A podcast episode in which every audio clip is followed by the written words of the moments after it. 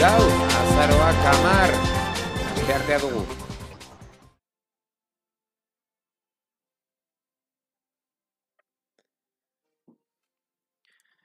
Bat formulak 2008 baterako egutegia egu ezagutarazi du, hogeita iru sari nagusi izango ditu inoiz baino gehiago.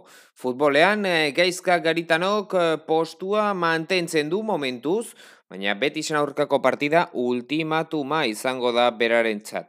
Gogorazuzue, hori bai, aste honetan ez dara ligarik egongo nazio arteko partidak eh, baizik, eta tenisean Sofiako ATP berreunta berrogeita amarratugu jokoan aste honetan.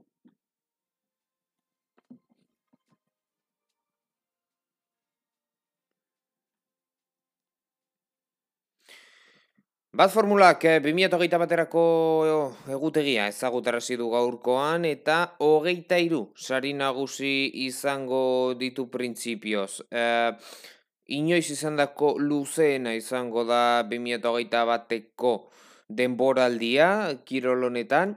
Aprobetsatu nahi dute aurten eh, gut, eh, hogeita bat eh, zeudela planifikatuta eta bakarrik amazazpi sari nagusi ingo dituztela. Hortaz, errekuperatu behar eh, omen dituzte eta e, hogeita iru egongo dira urrengo urtean. Martzoak hogeita batean hasiko da denboraldia, Australian e, oikoa denez Melbourneko Albert Park e, zirkuitoan, Aste batean e, urrengoan e, bareinen egongo dira eta geroago Txina etorriko da. Apirilaren hogeita bostean, ordea, ez dakite, noiz egingo duten e, lasterketa, e, lau, demoraldiko laugarrena, baina favorituak e, dirudite bai Vietnam, bai Turkia. Hori laugarrena ez dugu ezagutzen, beste guztiak bai. Gero, maiatza eta maiatzetik aurrera, eta uda osoan zehar, Europan ibiliko da bat formulan, e, Bartzelonan, Monakon, Azerbaijanen, Kanadara e, bidai egingo dute baita ere, Frantziara bueltan Europan, Austrian eta erresuma batuan baita Ungarian ere. Hori e, abuztuaren lehenengo gunean egingo dute. Eta hor, e, bueno, oporrak hartuko dituzte, abuztuaren hogeita bederatzira arte. Spa Francorchamsen egingo dute lasterketa, Geroago, aste bat e, geroago Holandara joango dira, Zandfortera, eta aste bat geroago Italian egingo dute lasterketa, hortaz, hiru astetan hiru lasterketa. Eta e, Italiaren ostean, beste hiru lasterketa, hiru astetan, Rusian, Singapuren eta Japonian egingo dituztenak. Amaitzeko, Estatu Batuetan, Mexikon, Brasilen, Saudi Arabian eta Abu Dhabin egingo dituzte demoraldiko azken bost uh, sari nagusiak.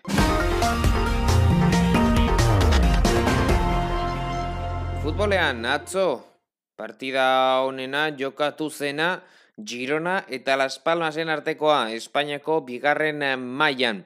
Gironak bat, Las Palmasek bat, Kanariarrak aurreatu ziren markagailuan, eh, H den aldirako minutu baten faltan, Sergio Ruizek egin zuen gola, baina bigarren zatian Bernardok berdindu zuen norgeiagoka, gero kaleratua izan zen Bernardo. Hortaz, eh, Girona kamar jokalarirekin amaitu zuen partida. Girona ama bigarren dugu amabos punturekin, amabos garren dalas palmas amalo punturekin, baina, bueno, beti bezala oso berdindua bigarren maila izan ere, bosgarrenetik eh, ama bosgarrenera partida bateko distantzia dago. Almeriak amazazpi puntu bosgarren, Las Palmasek amalo puntu ama bosgarren. Hortaz oso berdin duta beti bezala bigarren eh, maia. Nazioarteko partida bat izan genuen jada, lagun artekoa, Kamerunek bi Djiboutik bat, e, baita ere partida bat e, FA Cupen Ingalaterran, Oxford Cityk bi Northamptonek e, bat, Eta, bueno, badakizue, e, ba, azkenean astelenetan, e, ba, partidak, e, nazioarteko partidak ditugunean, ba, ez daukagul, ez dauzkagula iaia partidarik lehenengo maietan, Bosnian adibidez jokatu zuten, baita Brasilen ere, gremiok utxe eta bat errezezion Fluminenseri, zehara eta esporre zifren artekoa utxean, eta Bosnian, borak bantja lukak lau, zeliez nikarek, Hiru. Gaurkorako zer dugu, ba, ezer gutxi. Egia esan, e, bueno, mm, esan dugun berdina, esan dezakegu e, gaurko egunerako, eta lehenengo mailako partidak, ba, adibidez, e, Txilen egongo dira, kolokolo eta antofagastaren artekoa, ratxaldeko iruretan, baina, baina partiak gehienak, e, bueno, ba, bigarren edo hirugarren mailetakoak e, dira.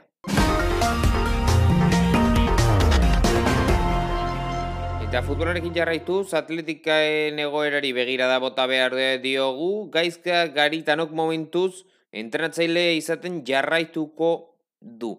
Bueno, atzo egin zuten bilera e, direktibak, baina ez zuten e, garitano kaleratzeko erabakirik hartu, hori bai, badirudi beti zen aurkako partida ultimatum gisa, izango duela entrenatzaile deriotarrak. Eh, Atletik eh, orain amalagarren da zailkapenean, irupuntura dauka mm, bueno, jaitxierako lehen postua, mazortzi garrena, baita azkena ere, izan ere, Levante Huesca eta Valladolidek sei punturekin berdinduta daude. Hortaz, ikusiko dugu gaizka garitanoren egoera, printzipioz ultimatuma izango du Betisen aurka eta mm, ez badator noritorriko da.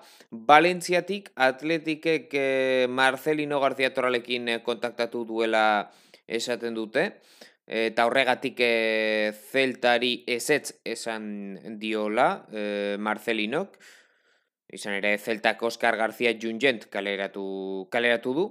Baina eh, momentuz eh, Euskal Edabideek esaten dute ez eh, dagoela favoritorik eh, atletikek ez duela galdetu inori ea, ea disponible legokeen atletik entrenatzeko gaizka garitano kaleratzen badute.